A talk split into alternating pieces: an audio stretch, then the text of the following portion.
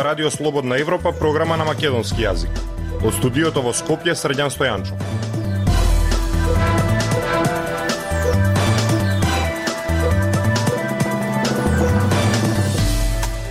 Слушате неделното интервју на Радио Слободна Европа, почитувани. Наш денешен гостин е новиот председател на Сојузот на стопански комори на Македонија Трајан Ангеловски, кој беше избран од како неговата предходничка Данела Арсовска стана градоначалничка на Скопје. Ангеловски вели дека очекува добра соработка со Арсовска, која може да допринесе за развој на бизнисот во главниот град. Ангеловски вели дека е можно да се постигнат високи стапки на економски раст повеќе години поред ако се спроведуваат реформи, се инвестира во инфраструктура и во дигитализација. Опоравувањето на економијата од ковид кризата може да биде ограничено од неизвестноста до кога ќе трае пандемијата, прекинување на ланците на снабдување и високите цени на струјата. Слушајте ме. Радио Слободна Европа. Интернет страница macdenes.org Господин Ангеловски, доаѓате на местото на Данела Арсовска, која беше избрана за градоначалничка на Скопје. Каква соработка очекувате со неа и како таа од новата позиција може да му помогне на бизнисот? Искрено се надевам дека со мојата предходничка, господјата Данела Арсовска, ќе имаме одлична соработка од ова место кое во моментов та го има како градоначалник на град Скопје.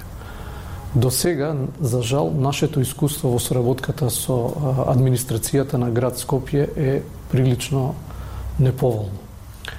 Секогаш ни се случувало, без оглед која политичка партија била на власт, со општините, бидејќи град Скопје има сложена организација, со општините да имаме релативно културна соработка. Со владата повеќе или помалку исто така. Кога доаѓале нашите идеи и проекти на ниво на град Скопје, скоро секогаш сме имале многу неповолна клима. Затоа јас искрено лично се надевам, очекувам и сум сигурен дека господјата Арсовска, познавајќи ја како наша колешка предходничка во, во комората, ќе даде се од себе, од својот интелектуален капацитет и познавањето на бизнисот да ги отвори вратите на таа градска администрација и да покаже максимално разбирање за бизнис секторот. Што градската администрација може конкретно да направи? А, во град Скопје имаме повеќе индустријски зони, во град Скопје треба да се отворат вратите за прием на нови инвестиции. Во овој момент јас реално мислам дека и да дојде голем инвеститор на вратите на, на град Скопје, реално нема каде да ги инвестира своите средства. Што значи тоа? Тоа значи нема доволно можности за инвестиции во градот Скопје. Кои се вашите цели како председател на Сојузот? Тука сум од самото основање како член, како а, особено вклучен во индустријската комора, подпредседател, председател, и со својот ангажман до сега секогаш сум се залагал за развој и осовременување на бизнес климата во Република Македонија.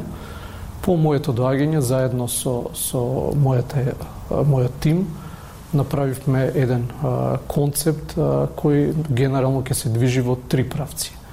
А, одредено осовременување на а, нашата организацијска структура, дигитализација и првенствено а, проширување и а, зголемување на меѓународните врски и релации, особено мојата предходничка ни остави на вистина квалитетна основа на тој план. А, имаме а, одлични односи со многу комори а, во светот. Препознаени сме како еден од а, нивните а, квалитетни партнери во овој дел и тука планираме да, да вложиме максимално напори. Владата за до година проектира економски раст од 4,6%. Може ли тој раст некако да се забрза и да се доведеме во ситуација да имаме раст од над 5% повеќе години поред? Може, меѓутоа треба да, да се воведат три базични принципи, а тоа се реформи, број 1, број 2 инвестиции во инфраструктурата и број 3 дигитализација. Ако ги пратиме овие три базични принципи, очекувано е пет, меѓутоа можда и повеќе. Меѓутоа, за жал, до сега ние гледаме многу слаб учинок во овие неколку параметри што веќе ви ги набрев. Зошто ако е толку едноставно не го прават? Мислам дека не е тоа прашање за мене.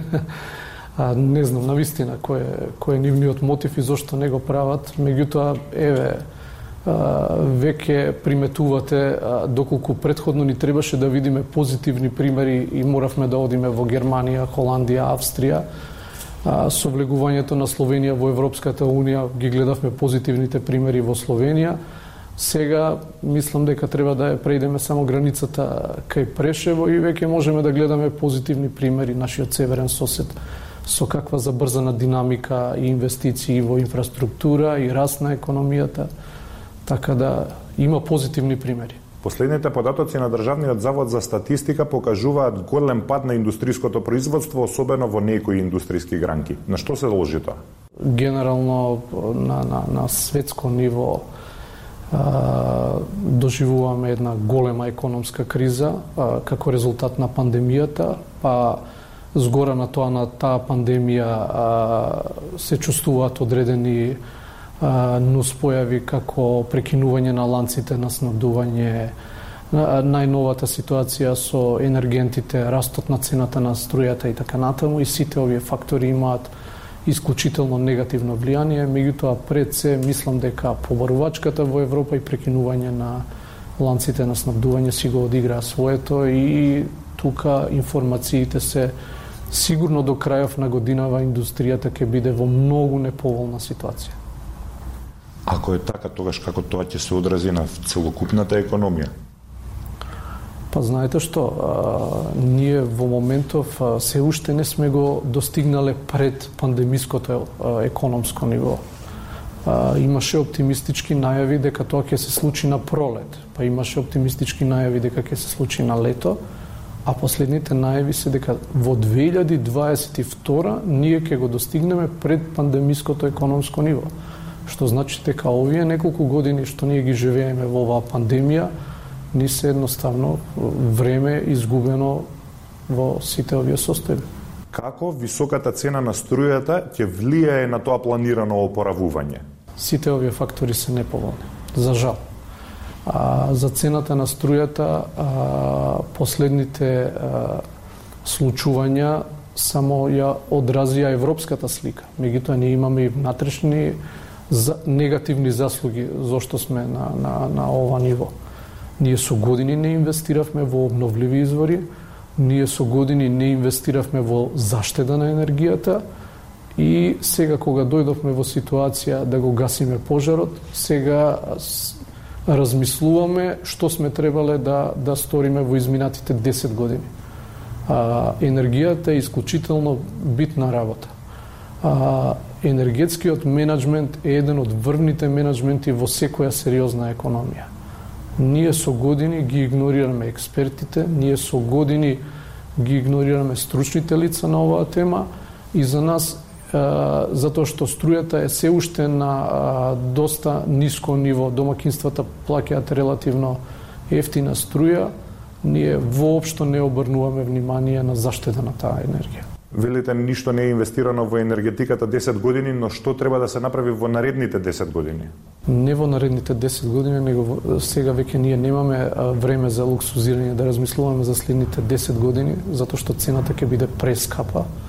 Приметувате дека секој дневно ние добиваме фактури од Европската енергетска заедница или ќе добиеме фактури еве на 1 јануар за нови цени на струјата, ние веднаш можем, мораме да почнеме да размислуваме, действуваме и работиме а, кон заштеда на таа енергија, а, употребување на квалитетни а, изолациони материјали, а, енергијата мора да се троши само во а, својата необходност без а, а, растурање и незино расипање. Господин Ангеловски, синдикатите бараат, а и премиерот Зоран Заев најави зголемување на минималната плата на 18.000 денари. Кој е вашиот став во однос на тоа прашање?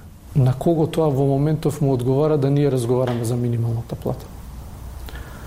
Знаете што, кога нема доволно да инвестираме во инфраструктура, кога нема а, економијата да испорача квалитетен економски резултат, имам впечаток, ние се фаќаме за последната сламка како давеник, а тоа е минималната плата.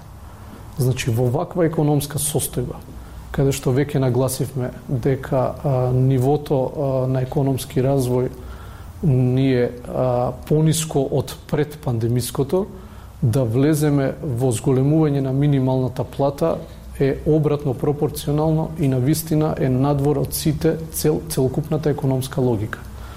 И мислам дека ќе е тоа дополнителен товар на стопанството, кој ќе предизвика огромен број на проблеми и сигурно намалување на вработеноста во нашата земја. Работодавачите се жалеа дека ќе се зголеми невработеноста и при секое предходно покачување на минималната плата, но тоа не се случи.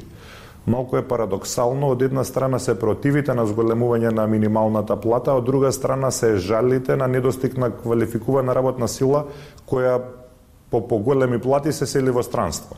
А, да, точно е ова што веќе вие го кажавте, меѓутоа тука имате а, а, доста компоненти во, во целата таа ситуација. Иселувањето е резултат, а, не, е, а, не е единствен фактор за иселувањето на луѓето во Германија, само платата. Кога ќе ги гледате причините зошто тие луѓе се иселуваат во Германија, платата е на пето место како фактор кој им влијаел за иселувањето во Германија првенствено е човековата околина, здравствената заштита, образованието и ред други елементарни работи кои, кои се потребни на секоја индивидуа за нормален живот. И се случува еден процес, луѓето се иселуваат и можда тоа влијае на некој начин да се намали невработеноста. Лидерите на Македонија, Албанија и Србија уште пред две години ја најавија иницијативата Отворен Балкан, но многу малку е направено во овие две години. Зошто работите се одвиваат толку бавно?